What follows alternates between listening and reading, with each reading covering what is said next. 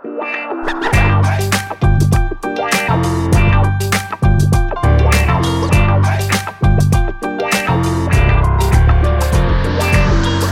welkom bij een nieuwe aflevering van een podcast over voeding. In deze podcastserie gaan we in op de wetenschap achter voeding en laten we wetenschappers aan het woord over allerlei thema's die met voeding te maken hebben.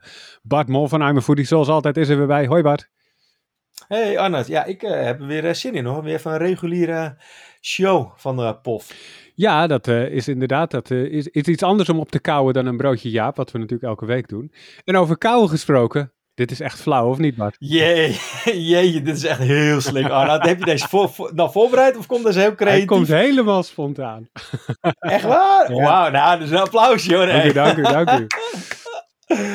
Nee, vandaag gaan we het dus hebben over kouwen. Waarom het belangrijk is om goed te kouwen. En als je pijn hebt met kouwen, is het zeker goed om deze show te luisteren. Want daar, uh, daar ga je meer over, over horen. We hebben twee gasten in de studio vandaag. Professor Dr. Frank Lobbezo. Hallo. Goedemorgen. Leuk dat ik hierbij en, mag zijn. Ja, we vinden het leuk uh, dat, dat, dat, dat u er bent. Moet ik u of jij zeggen? Doe maar gewoon jij. Dat, is, uh, okay. dat praat een stuk makkelijker straks. Leuk, leuk dat je er bent. En dokter Merel Verhoef. Goedemorgen. Hallo. Ik vraag het ook gewoon u of jij? Zeker jij, dankjewel. Oké, okay, helemaal goed. Beiden zijn verbonden aan het ACTA in Amsterdam. Dat is het Academisch Centrum voor Tandheelkunde Amsterdam. Dus ACTA Amsterdam zeggen is heel dubbel. Um, uh, dus ja, na het luisteren van deze show weet je bijvoorbeeld ook het effect van kauwgom op kauwen en al dat soort dingen. Uh, maar we beginnen een reguliere show waar we altijd beginnen. Uh, Merel, wat is je grootste voedingsfrustratie van de afgelopen tijd? Ja, ik heb vooral een, een, een ja, een beetje terugkerende voedselfrustratie eigenlijk. Uh, niet zozeer van, uh, van de laatste weken. Um, maar dat, is, uh, dat heeft te maken met het feit dat we... ik, ik ben een groot fan van eten, laten we dat voorop stellen. Ik vind het heel leuk en, en lekker. Um, maar waar we ons op blijven focussen met z'n allen... is dat, dat de gezonde voeding, wat super belangrijk is... Maar daarbij slaan we ook wel vaak een stapje over. Dat, daar gaat deze podcast natuurlijk over. Um, het feit dat we mm -hmm. niet met z'n allen pijnvrij kunnen eten. En dat we die basis toch ook een keertje mee moeten nemen in het geheel. Dus uh, dat is mijn En dat hoor je eigenlijk nooit terugkomen dus? Nee, dat wordt eigenlijk overgeslagen. Is natuurlijk ook minder leuk dan over eten zelf praten, maar... Um, is het ook. Ja, dus ik denk dat het daar vooral mee te maken heeft. We vinden het leuk om over eten te praten, uh, over het gezonde eten, maar we vergeten dat um, voor veel mensen het, uh, het pijnvrij kunnen eten niet per se een gegeven is. Ja. ja, dat lijkt me duidelijk een frustratie voor iemand in, jou, uh, in jouw vakgebied. Frank, welke, welke voedingsfrustratie uh, liep jij tegenaan de afgelopen tijd? Ja, dat is dan meteen. Ik hoop dat dit de moeilijkste vraag is die ik ga krijgen. Want ik heb hetzelfde probleem als Merel. Ik ben dol op eten. ik kan niet heel goed koken. Dat is misschien een soort van frustratie, maar dat heeft niet met het eten zelf te maken. Nee, als ik kijk naar wat ik met, met eten echt problematisch vind. Ik loop natuurlijk al wat langer mee op deze aardkloot. En uh, ik, ik heb heel veel voedingsadviezen voorbij zien komen. En voor mij is het best wel frustrerend om te zien dat die toch wel aan een soort van mode onderhevig zijn. Ze wisselen. Mm -hmm. uh, het ene jaar is dit goede voeding, het andere jaar is dat het weer. En ik denk dat uh, het zou mij in ieder geval als, als voedselconsument enorm helpen als we daar op een gegeven moment toch een definitieve lijst van kunnen samenstellen. En ik vind het ook wel een taak van, uh, niet alleen van de wetenschappers, maar ook van de overheid, om mensen heel mm -hmm. goed te informeren over wat nu eigenlijk echt gezonde voeding is. En dat we niet de hele tijd weer stappen terug gaan zetten daarin. Dat gevoel heb ik een beetje. Probeer ja. up-to-date te blijven, maar het blijft lastig voor me. Het is trouwens wel duidelijk dat van jullie beiden uh, de, het expertisegebied uh, uh, bij het kouwen zit. Maar wat doen, wat doen jullie precies? Frank, ik begin even bij jou. Wat doen jullie bij de, bij de ACTA? Oké. Okay. Ja, nou wat, wat, is het gewoon tandarts? Of? Ja, nou, dit, dit, ACTA is een opleiding voor tandartsen. Dus wij leiden studenten op tot, tot het beroep van tandarts. En daarna kunnen ze zich nog specialiseren in allerlei richtingen. En mijn afdeling is de afdeling orofaciale pijn. Dat is zeg maar pijn in het aangezicht, hè, in je mm-hmm. gezicht. En ook dysfunctie, dus het niet goed functioneren van de kaken. Nou, wat ah, wij okay. dus doen, is daar onderzoek naar doen. We geven daar onderwijs in aan de studenten tandheelkunde. En we hebben ook een grote kliniek, waarbij we patiënten zien die problemen hebben op dit gebied van pijn of van het niet goed kunnen kouwen.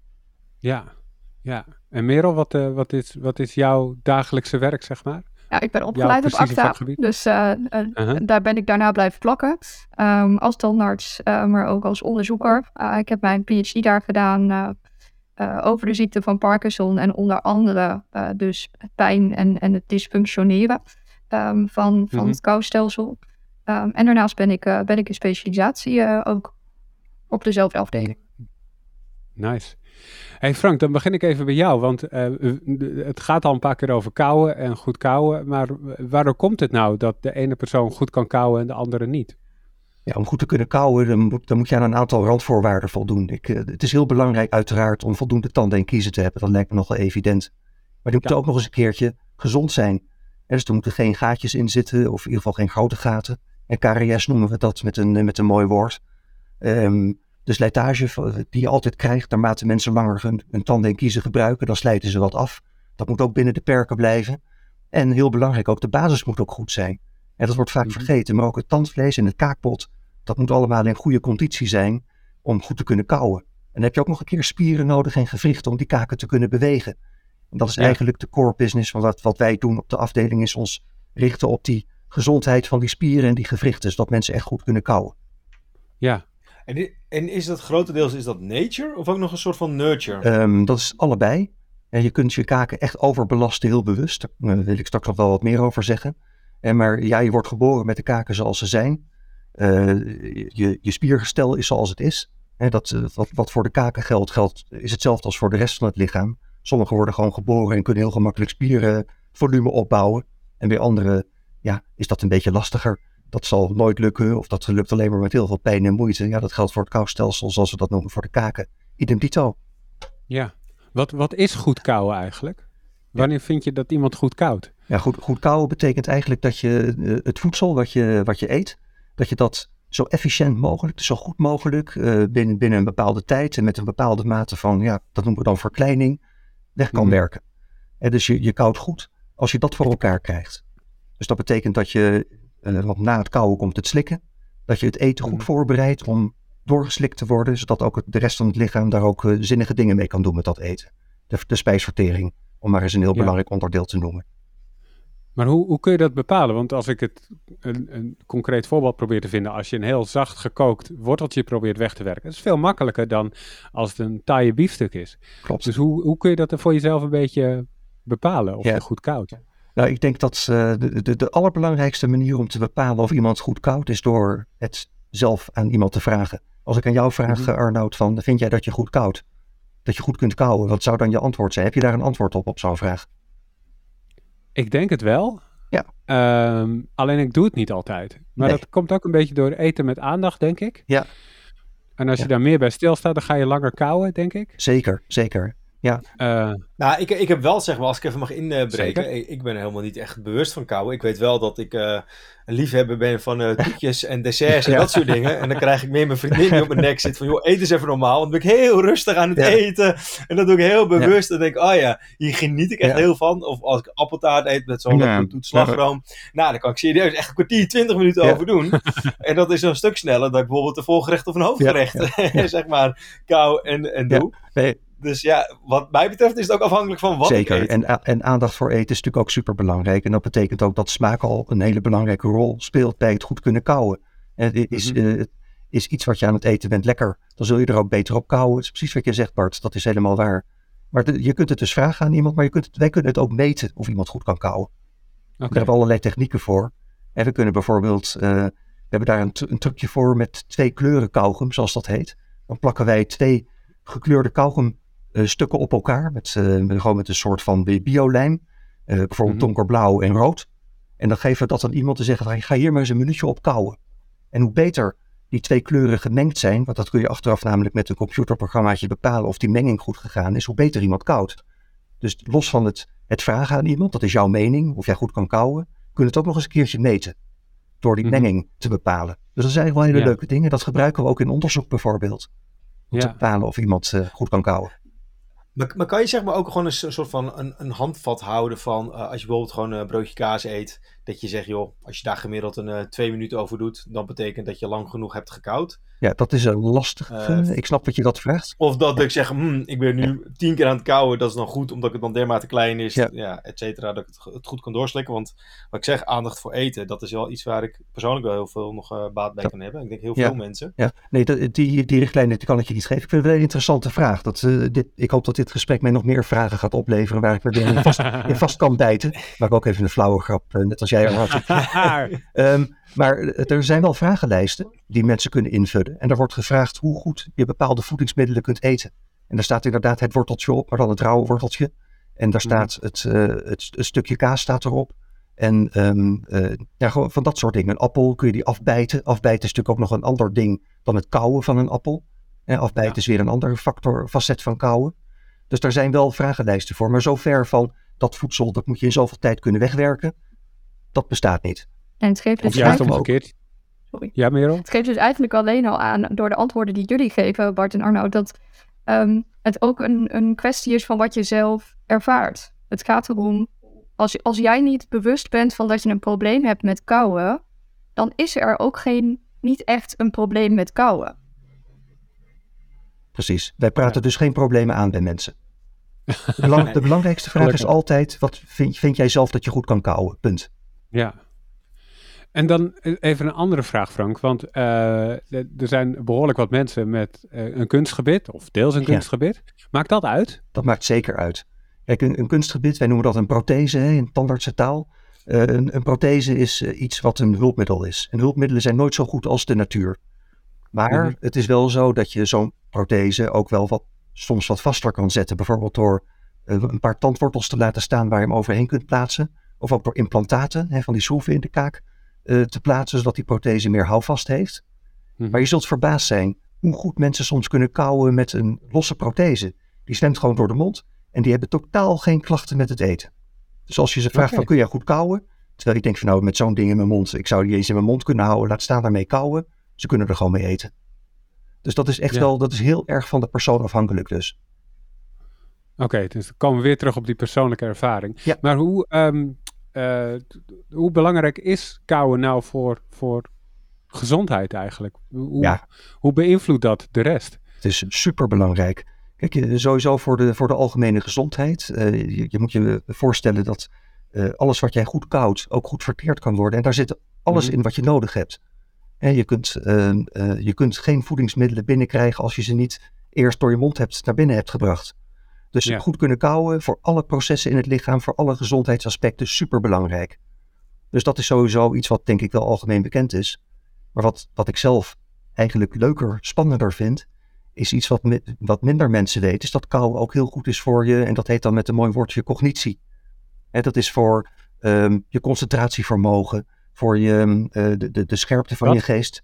Uh, ja, de, dus echt waar, zeg maar, voor je, voor je geestprocessen, hoe goed je kunt denken, is kouwen ook heel belangrijk. Waarom is dat? Ja, dat is de, precies de vraag die ik hoop dat je zou stellen.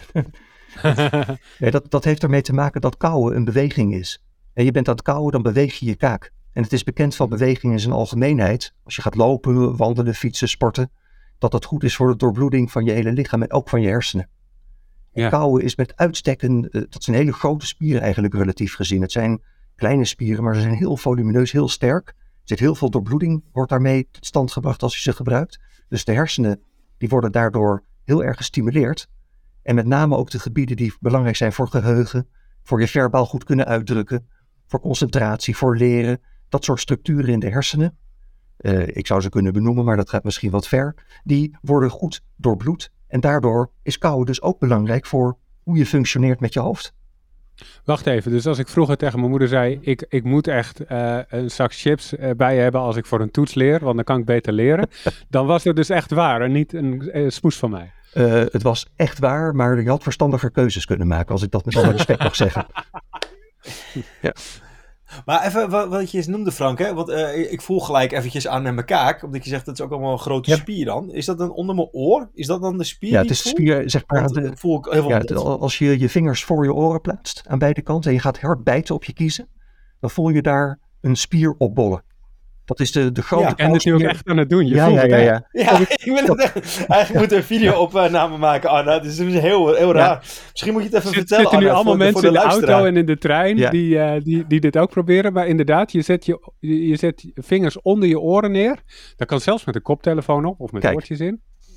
En dan doe je net alsof je bijt en dan voel je iets opbollen. Ja, je voelt iets opbollen. Ja. Bovenop ja. Uh, ja, het, het lijkt me. Ja, en je kunt hem ook nog op je slaap zetten. Hierboven, boven, de, boven de, de jukbalg. En als je dan bijt, voel je daar nog een grote spier. Dus je hebt eigenlijk vier hele grote kouspieren. Die zijn superkrachtig. Wacht, waarom spant die ook aan? Dat zijn Als spieren, je, als je, dat, als je dat zijn koudt? spieren die hetzelfde doen eigenlijk. Je hebt eh, voor, voor één beweging soms meer, meerdere spieren nodig. Nou, je hebt spieren in de wang en in de slaapstreek zitten. Die allebei nodig zijn om hard te kunnen dichtbijten. En dus ook te kunnen kauwen. Ja. Dat zijn eigenlijk pompen die het bloed naar de hersenen pompen, onder andere. Waardoor de Mhm. hersenen beter door bloed raken en je je beter kunt concentreren. Maar even, even, een heel, eh, even een ander bruggetje dan. hoor. Want ik, zie, ik kijk wel vaak eh, voetbal. Dan zie ik vaak van eh, die Ja. trainers die echt enorm aan het kauwen zijn. Ik bedoel echt eh, een hele wedstrijd lang. Denk echt, ten eerste, ik vind het een, een beetje raar uitzien. Maar dan denk ik, denk ik idee van, wat zijn ze allemaal aan het doen joh? Maar zijn ze misschien dan super hyper geconcentreerd bezig Ja. eigenlijk dan? Omdat ze dan echt hun cognitie op die manier Het dan zou zomaar kunnen dat ze dat, dat- onbewust doen op die manier. Je ziet het eh, trouwens ook, dat is even een zijpaadje bij, eh, bij slechte acteurs die moeten laten zien dat ze geëmotioneerd zijn. Die gaat dan altijd een beetje klemmen op hun kiezen. En dan zie je ook die spieren zo ophoren. Moet je maar eens opletten. Als je naar een slechte serie kijkt, dat doen we allemaal wel eens. Guilty pleasure toch? Heb je, Dan zie, dan zie je juist die, die, die, die slechte acteurs, die zitten met name heel erg te klemmen dat die spieren de hele tijd opbollen. Maar dat even Ja. terzijde. heb je namen Frank, wie jij een slechte acteur Sorry, vindt? sorry, sorry. Het wordt een beetje juice Zal- kanaal zal ik dit. dat maar niet doen? dat ga ik maar niet doen. Nee, precies. Nee, maar Nee. dat, dat is, eh, de- ja, dat, dat klemmen voor die sporters is bekend. De sporters kauwen ook vaak kauwgum. Mhm. als ze zich moeten concentreren op iets. Dat zie je vaak ook bij honkballers. Die zitten heel lang op die bank en dan moeten ze zich in een hele korte Ja. tijd moeten ze zich goed concentreren. Dan kauwen ze die kauwgom om die concentratie te kunnen opbrengen. Dat is, het- daar is ook echt, Maar is dat ook echt echt... ook Maar dat is dus echt hun Ja. reden dat ze dat dus Ja. doen? Want ik dacht, het is, het is gewoon dat ze... Weet ik veel, eh, een zenuwtrekje Er is hebben. zelfs- eh, dat ze er dus is zelfs onderzoek naar gedaan. Hier is dus bewijslast voor dat dit echt zo werkt. Op de korte termijn. De lange termijn, daar weten we wat minder Mhm. van. Maar op de korte termijn, dus tijdens een sportwedstrijd, dan helpt het als je aan het kauwen bent. En dan, ja, dan is kauwgom natuurlijk beter dan die zakchips. maar als het spieren zijn, Frank, Ja. kun je ze dan ook trainen dat ze sterker worden? Kun je spierpijn erin hebben, zodat je minder goed kan eten als je heel veel hebt gegeten? Dat kan allebei. Eh, het grappige is dat eh, het altijd wel verschillende personen zijn. De een zal door veel de spieren te gebruiken spierpijn ontwikkelen, terwijl de andere juist de spieren gaat ontwikkelen als een soort bodybuilder. En dat, Ja. dat heb je ook wel eens. Dat zie je op straat als je om je heen kijkt en je kijkt naar mensen. Dan zie je soms mensen die, als ze relaxed zijn, heel ontspannen, zie je toch die spieren waar we net aan hebben gezeten met elkaar, die zie je als het ware op de wang liggen. En Ja. dat, dat is iets wat wij mannen vinden dat vaak stoer. Hè, maar je hebt ook bij andere, andere mensen vinden dat ja, toch wel wat minder esthetisch. En die willen daar ook Mhm. hulp voor. Maar het andere aspect Ja. wat jij noemde van die pijn, dat is wel een hele belangrijke. En daar, daar zal Merel straks ook het een en ander over vertellen. Maar die pijn, als je die spieren te veel gebruikt, te is nooit goed hè, als je ze te veel gebruikt, dan ga je daar pijn in krijgen. En als je het over te veel hebt, is het te veel kauwgom kauwen bijvoorbeeld, want daar zit ook een grens aan. Het is niet zo dat ik Mhm. nu zeg, iedereen moet maar de hele tijd gaan kauwgom kauwen. Je moet echt een balans vinden van hoeveel kauwgom je koudt. Nagels bijten is ook zo'n gewoonte die heel veel mensen doen, die de spieren Ja. overbelasten. Eh, en ook met name tandenknarsen. Ik weet niet of jullie Mhm. dat fenomeen ook kennen. Veel mensen weten wel, Zeker. kijk, veel mensen weten ook dat het ontzettend hinderlijk is als je bij iemand in de buurt slaapt die tandenknarst tijdens de slaap. Want dat maakt een, Mhm. zoals dat geluid van een keitje over een bord, dat gaat door merg en been. En dat, Ja. dat, dat, dat geluid is heel hinderlijk. Bijna net zo hinderlijk als hard snurken. Nou, dat tandenknarsen, dat doe je dus met je gebruik maken van, je, van, die, van die spieren van de kaak. Ja, als je dat te veel doet, dan overbelast je ze. En daardoor krijg je pijn. En daar, Oké, dus als, ik even, even, even kort door de bocht. Dus als, als mijn zoontjes aan het eh, tandenbijten zijn, moet ik niet zeggen van je vingers die vallen eraf. Moet ik zeggen de spieren in je kaak, die gaan ermee stoppen en dan kan je niet meer kauwen. dat is even is kort door de bocht, kan ik dat dus ook als argument dat gaan eh, zou je gebruiken. kunnen doen. Aan de andere kant, ik weet niet hoe oud je zoontjes zijn, maar het is bij kinderen is het, komt het heel vaak voor, dat tandenknarsen. En zou je het juist niet moeten tegenhouden. Het heeft ook namelijk, en daar wil ik nog wel wat over zeggen als jullie dat interessant vinden, maar dat tandenknarsen heeft ook positieve kanten. En bij, Oh, kind- vertel. en bij, ki- bij kinderen is dat bijvoorbeeld dat die, de- om, om goed te kunnen wisselen, de, je gaat van een melkgebit naar een blijvend gebit, moeten die tanden een beetje afgesleten zijn om die, die ruimte die je moet hebben, want die blijvende tanden en kiezen zijn veel groter, die moeten afgesleten zijn om dat wisselen beter mogelijk te maken. Dus dat kinderen wat meer knarsen en klemmen is normaal. Het heeft ook te maken met motorische rijping. Kinderen, als je een, peutertje ziet lopen of een dreumes, en die lopen een beetje onbeholpen te, te schommelen en zo. Dus die motoriek is nog niet die van een ballerina. Dus dat moet allemaal rijpen. Dus dat, eh, dat moet, de, de kaken moeten dat ook. Dus dat je daarbij een beetje tandenknarst en klemt, ja, dat heeft te maken met het feit dat die kinderen nog niet uitgerijpt zijn. Maar er zijn nog Oké, maar de- Ja, want mijn oudste die is dan Ja. zes. Eh begrijp ik het goed dat rond ja, die 6, 7 begint volgens mij een beetje dat eh, de eerste wiebeltand komt. Dus als hij rond die fase aan tandenknarsen is, dan is het juist eigenlijk een positief effect. Omdat misschien wel het gebit klaar wordt gemaakt om te gaan wisselen. Maar op het moment als hij straks 10, 12 is, wat is het? Ben je 14? Ben je Ja, dan- zo rond, zo dan rond. Het, 12? eh, het, hangt een beetje van het kind af, maar rond die tijd. Ja. Maar als ze dan weer gaan tandenknarsen, dan is het wel iets dat je denkt, nou, oké, dan dat is het alleen nu- maar iets op het moment dat hij er echt last van krijgt. En, en last betekent dus dat je er pijn van krijgt omdat je te veel doet. Of dat je je blijvende tanden en kiezen veel gaan afslijten. En maar eh, Ja. nogmaals, dat tandenknarsen kan ook positief voor je zijn. Het kan, naast wat ik net zei, dat het bij de wisseling belangrijk is. Is het ook nog eens een keertje zo dat het wellicht ook de stress, hè, de, de, de mentale stress kan helpen dempen. Het kan Mhm. de speekselvloed, hè, de hoeveel speeksel er in je mond komt, kan het stimuleren als een soort pomp. En die speekselklieren zitten ook in de wang. Dus als je die maar lekker aanspant, dan krijg je als het ware een pompwerking dat dat speeksel de mond ingeduwd wordt. Dus het voorkomt eigenlijk een droge mond. En de allerbelangrijkste vind ik, en dan eh, stop ik over dit onderwerp hoor. Maar het, dan worden jullie er ook moe van. Maar het heeft ook Nee, nog eens een keer te maken met eh, het openhouden van de luchtweg. En ik weet of jullie het fenomeen van slaapapneu kennen. Slaapapneu, Mhm. dat zijn die ademstilstanden die mensen krijgen tijdens de slaap. Die treden op, bij, eigenlijk wel bij iedereen, maar als die te lang duren en te vaak optreden, dan heb je echt slaapapneu. En dat is super slecht voor je. Dat is voor je hart is dat slecht, dat is voor je, je denkvermogen is het slecht, voor je libido is het slecht, eigenlijk voor alles is het slecht. Dus dat, die slaapapneu wil je voorkomen. En het mooie is dat tandenknarsen, dat draagt bij aan het verstevigen van die luchtweg. Dus dat voorkomt dat mensen het, eh, dat hun ademweg dichtvalt en ze die apneus krijgen. Dus er zit ook een positieve kant aan dat tandenknarsen. Is dus onze worsteling als tandartsen. We hebben mensen met tandenknarsen die er problemen van hebben, maar ook mensen die daar positieve effecten van ervaren. Hoe is dat bij één patiënt? Die afweging moeten Mhm. wij maken. En dan moet je hetgeen wat het zwaarste weegt, de nadelige gevolgen, wegen het zwaarst. Dan ga je dat tandenknarsen behandelen, wegen de positieve gevolgen het zwaarst. Dan blijf je er vanaf. En die Ja. afweging moeten we altijd maken. Ja, lijkt me een lastige afweging inderdaad. Nou, dat is een, een, uitdagende afweging. Wat me ook lastig lijkt, Merel, is als je de ziekte van Parkinson hebt. eh, gelukkig eh, eh, niet mee te maken en ben er weinig mee bekend. Kun je even kort uitleggen voor de luisteraars die het net als ik niet zo goed kennen, wat het, wat het precies doet? En vooral dan in relatie tot eten en kauwen? Zeker, ja. De ziekte van Parkinson is, zoals ze dat mooi noemen, een neurodegeneratieve aandoening. Dus wat dat inhoudt, is dat er afbraak plaatsvindt ehm, op verschillende gebieden in de hersenen. Uh, maar er is ook een opeenstapeling van verschillende stoffen. En nou ja, dat zorgt er uiteindelijk voor dat die mensen, afhankelijk van de locatie, um, ja, verschillende symptomen met zich mee kunnen brengen. En ik denk dat heel veel mensen de ziekte van Parkinson relateren aan uh, maskergelaat bijvoorbeeld. Dus het, het geen mimiek meer hebben in het gezicht. Um, dat is een van die, van die symptomen die te maken hebben met beweging. Uh, maar bijvoorbeeld ook mm-hmm. trillen. Uh, komt heel veel voor. Wat mensen niet zo vaak weten is dat mensen met de ziekte van Parkinson ook heel veel symptomen hebben die te maken hebben um, met het niet bewegen. Depressie, uh, andere psychische aandoeningen, maar nou ja, veel relevanter voor deze podcast natuurlijk. Uh, het hebben van pijn, um, het verlies van reuk. En nou ja, mm-hmm. je kan je denk ik wel voorstellen dat, um, uh, dat symptomen zijn die invloed kunnen hebben op eten, kauwen, genieten van eten.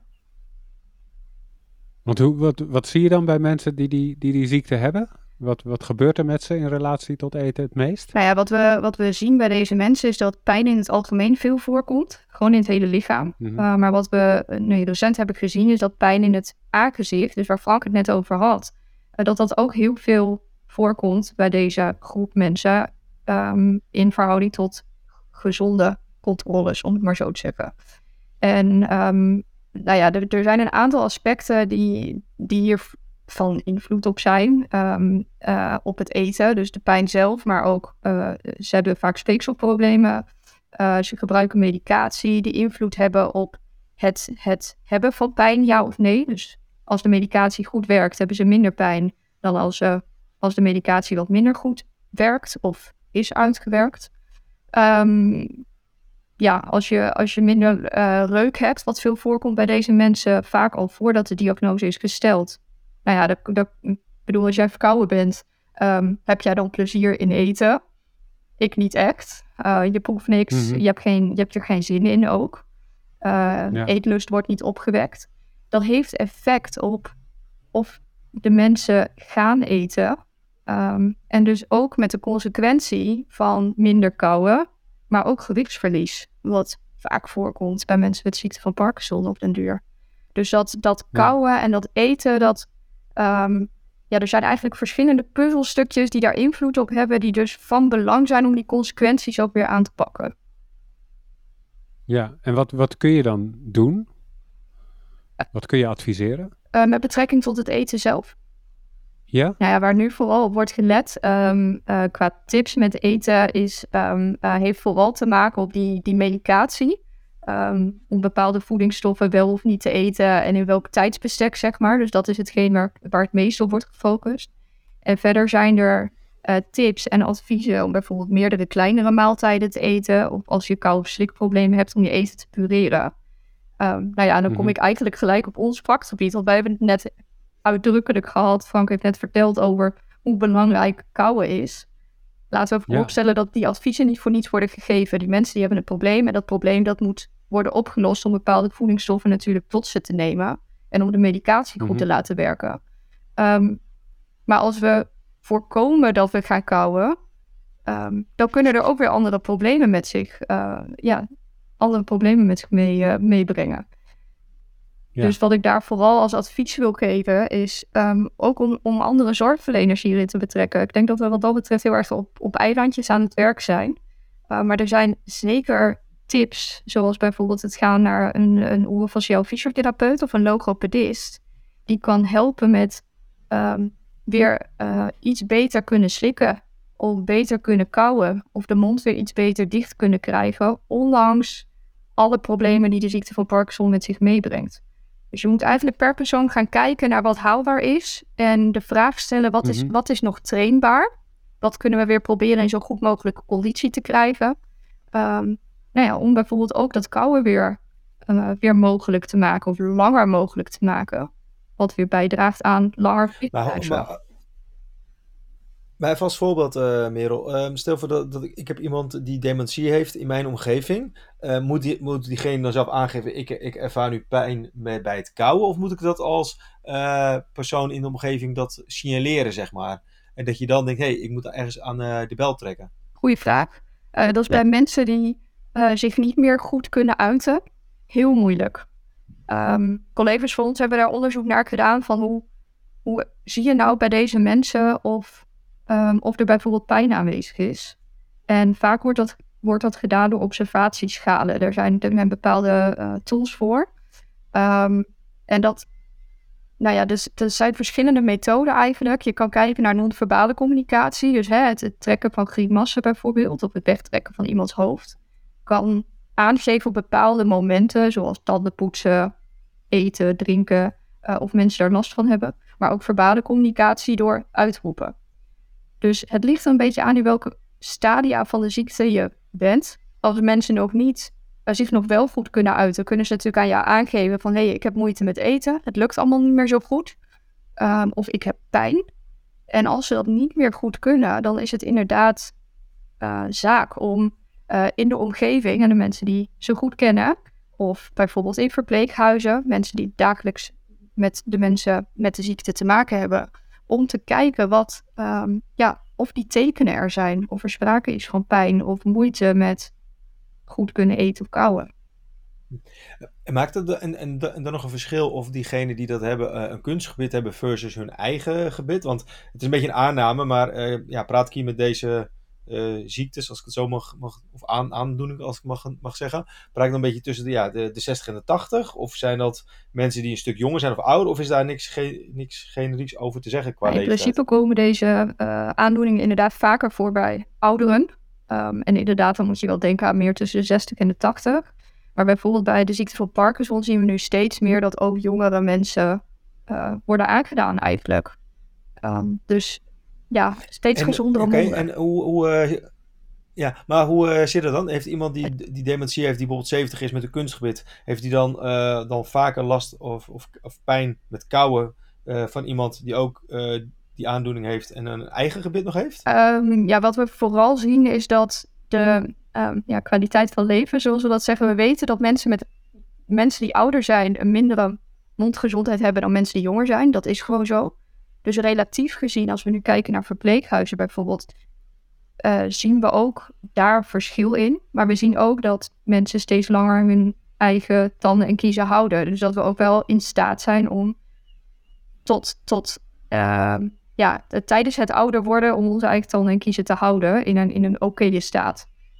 Um, nou ja, naarmate we ouder worden, wordt dat over het algemeen slechter. En dat kan verschillende oorzaken hebben, waaronder uh, de meest vanzelfsprekende het minder goed kunnen poetsen.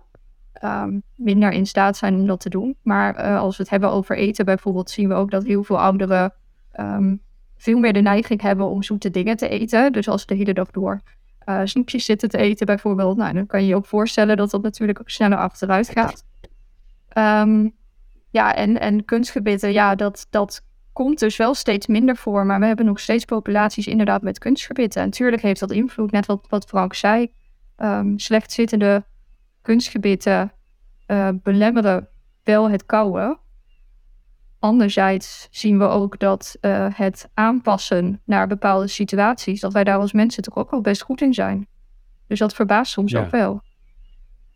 hey, en als je uh, constateert bij iemand in je omgeving die dementie heeft, van volgens mij is hier pijn met, met kauwen of pijn bij het slikken.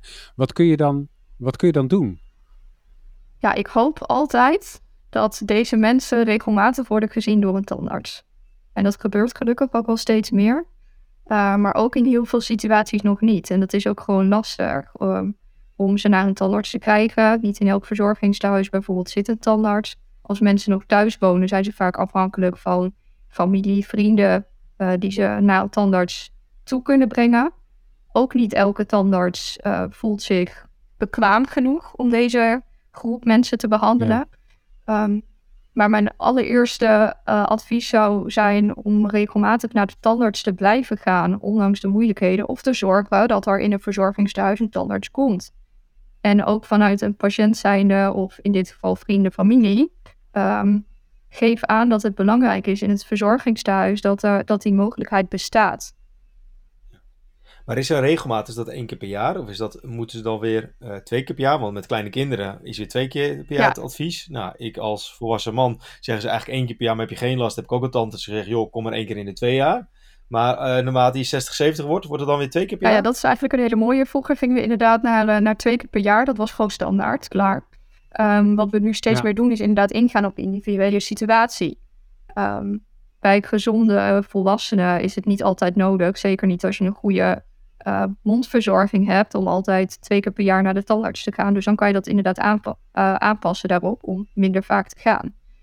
Op het moment dat je een diagnose krijgt van uh, de ziekte van Parkinson bijvoorbeeld of dementie, weten we dat dat toekomstbeeld niet zo rooskleurig is in die zin dat je minder zelfzorg zult hebben, waarschijnlijk op den duur um, dat je andere voedingsgewoontes zult gaat, gaat ontwikkelen.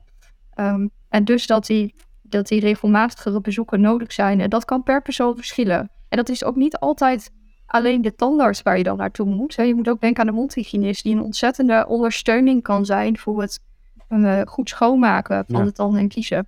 En dat kan in sommige gevallen zelfs het advies zijn om bijvoorbeeld vier keer per jaar naar de tandarts te gaan. Ja, want op een gegeven moment uh, heb ik dus uh, zeggen, uh, dat mijn vader, dat ik dan zeg, joh, je moet wat vaker, die heeft dus zeg maar pijn bij het kauwen. dan sleur ik hem mee naar de tandarts, want ik weet niet wat jullie ervaring, maar mijn ervaring is hoe ouder, hoe koppiger. Al hebben ze ergens pijn, dan zeggen ach, het is de ouderdom, het gaat wel weer over en ik leer ermee leven. Ja, in ieder geval, mijn moeder die heeft ook een aantal weken geleden was gevallen. Zeg, ach, dat is niks. Die gaat dan eerst even een dag, twee dagen wachten. Ja. En dan denk ik, oh, het wordt toch wel heel blauw. We gaan toch wel even een foto maken in het ziekenhuis. En dan is het zo echt wel meer schade dan ze van tevoren denken. Maar in, ieder geval, ik ga weer terug uh, even naar uh, mijn vader. Dus dan uh, ik hem mee naar de tandarts. Heeft pijn met het. Wat is jullie ervaring? Is het vaak van dat er echt wel ja, mogelijkheden zijn dat ze weer pijnvrij kunnen worden? Of is het wel een progressief iets dat je meer de pijn probeert te verlichten? Maar dat het wel een kwestie is ja, dat je wel ermee moet leren leven? Nou, pijnvrij, als ik dat even mag beantwoorden, is echt gewoon cruciaal. Ik, als je ook aan mensen zelf vraagt van wat wil je uiteindelijk van de tandarts? Nou, dat hij me pijnvrij maakt en houdt. Dus, en dat kunnen we gelukkig ook in bijna alle gevallen wel Er zijn bepaalde pijnsoorten, maar dat zijn niet de pijnen waar, je, waar jij nu aan denkt. Hè? De gewone kiespijn en de tandpijn, dat kunnen we echt gewoon goed oplossen. Dat is geen probleem. Heb je het over complexere dingen als echte zenuwpijn of echte chronische pijnen, dan wordt het lastiger. Maar dan kunnen we wel pijndemping altijd bewerkstelligen.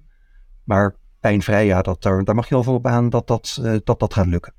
ook op hogere leeftijd. En dat moet ook gewoon. We hadden hier toevallig gisteren nog, uh, gisteren nog een discussie over. Um, belangrijk is in dit geval dat we het nu niet altijd hebben over een optimaal gezonde mond. Tuurlijk willen we dat altijd bereiken. En zeker als, als uh, tandarts of mondhygiëniste, dan willen we dat het liefste zien. Maar dat is niet altijd haalbaar. Maar pijnvrij, zoals Frank aangeeft, wel. En daar zit dus soms ook verschil in. Ja, en hoe uh, belangrijk is het, Merel, om je hele leven lang goed te kunnen kouwen? Nou ja, uh, het ligt er natuurlijk aan wat Op een je... schaal van je 0 tot 10. Ja, uh, dat is natuurlijk ook persoonsafhankelijk. Maar we hebben het, we hebben het net gehad over het, de, de invloed op je lijf zelf. Dus ik denk dat dat in die -huh. zin al benoemd is. Um, maar als we het hebben over, ik bedoel, um, wat, wat mij blij maakt in het leven, is om lekker uit eten te gaan. Uh, lekker met vrienden om de tafel, uh, gezellig kunnen praten. Onder het genot van, nou ja, van een lekker hapje.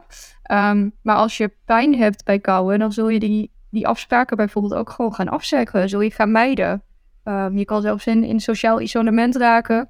Um, dus het, het is veel breder dan alleen het eten zelf. Ik denk dat we veel meer moeten beseffen wat voor grote rol eten in ons leven speelt tegenwoordig. En dat we dat aspect ook schamen mensen, schamen mensen zich ervoor als ze er pijn bij hebben, bij, bij kauwen en slikken? Um, nou, ik denk dat mensen in het algemeen ook gewoon uh, proberen niet te laten zien dat ze pijn hebben. Zeker als je bijvoorbeeld in een omgeving bent met mensen die jou goed kent, dan zullen ze ook sneller aanzien dat je pijn hebt. Maken ze zich zorgen om je, dat is juist wat we willen voorkomen. Um, dus ik denk dat je uh, dat je misschien niet zozeer schaamt voor pijn, maar dat je juist de consequenties ervan wil proberen te voorkomen. Als we het hebben over slechte mondgezondheid en het kunnen zien dat de tanden en kiezen misschien niet meer in optimale staat zijn, dat is wel iets waar mensen zich voor kunnen schamen, zeker. Ik vind dat schaamteaspect sowieso al interessant, want er zijn wel twee andere dingen die hoog op die lijst staan van wensen van mensen, wat ze van de tandarts vragen.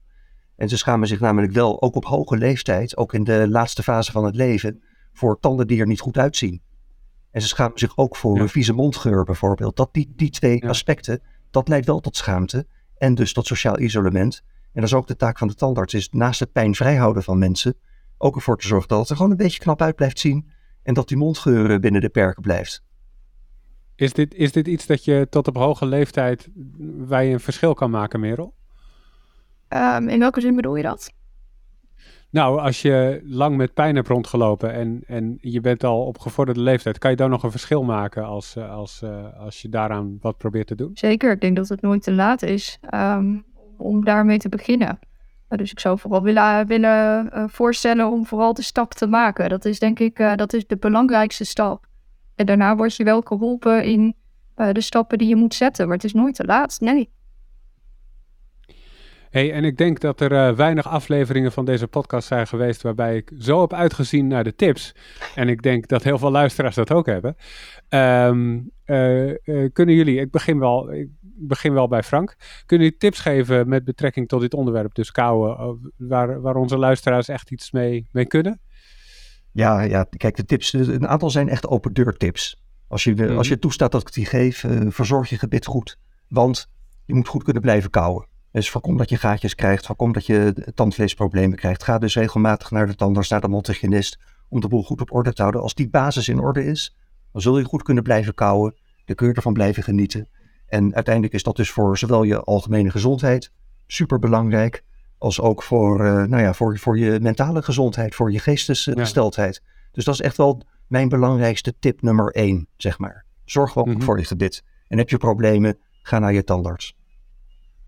Ja, en heb jij nog aanvullingen, Merel?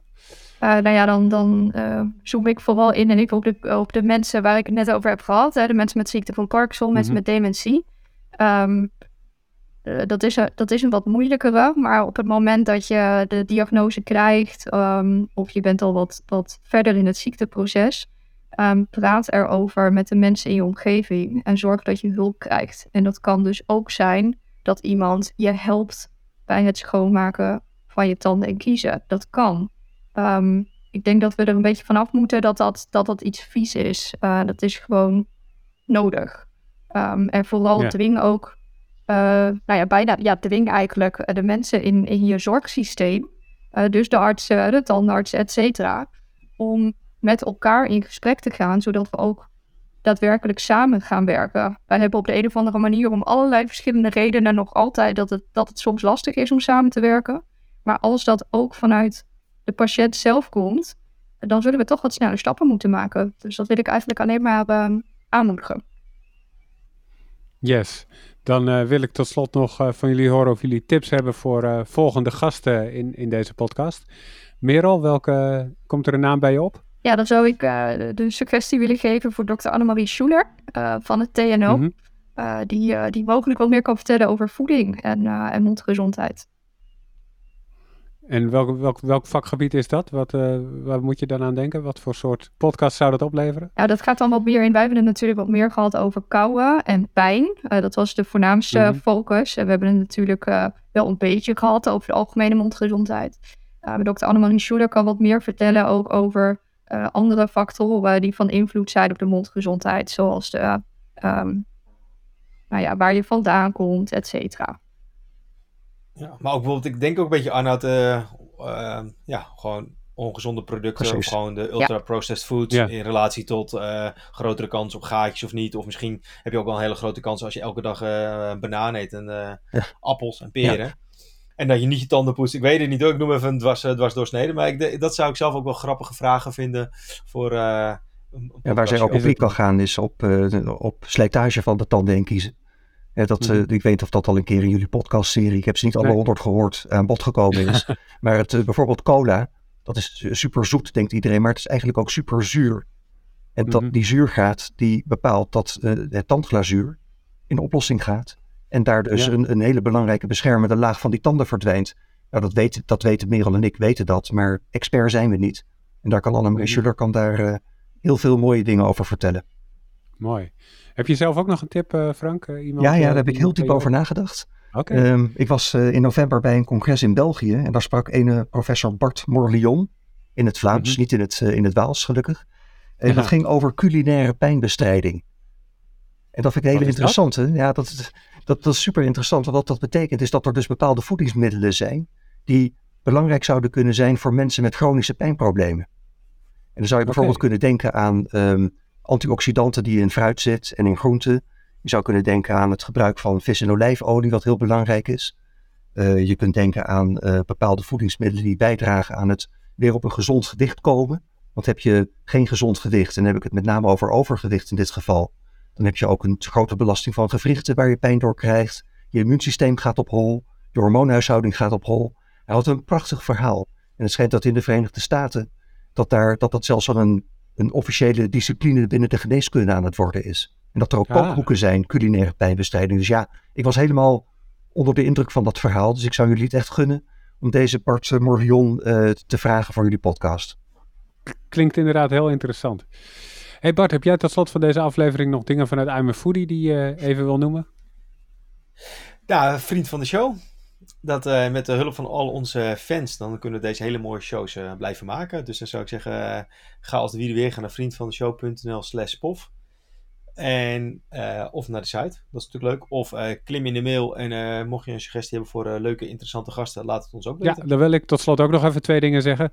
Ten eerste, vind je deze show interessant en ken je iemand waarvan je denkt, die zou hier veel aan hebben, stuur het vooral door. Helpt ons ook. Wat ons ook helpt is als je sterretjes geeft in je favoriete podcast app. een recensie achterlaat, dat helpt anderen ook weer beter om ons te vinden als ze zoeken op podcasts over voeding. want daarvan zijn er meer, maar deze is natuurlijk de allerinteressantste. En we zijn de eerste hè, op dit gebied. Dat is wel uh, Dus ja, dat, uh, ja joh, we, zijn, we, zijn, we zijn er vroeg mee begonnen, een paar jaar geleden. Ja, klopt. Uh, dankjewel Bart voor, voor je aanwezigheid. Dankjewel Merel. Ja. Graag gedaan. Bedankt dat ik mocht zijn. En, dank, en dankjewel Frank. Ja, graag gedaan. Het was een eer om mee te mogen doen aan deze S10 podcast. Helemaal leuk. ja. ja, dankjewel voor het luisteren. En tot de volgende keer. Later.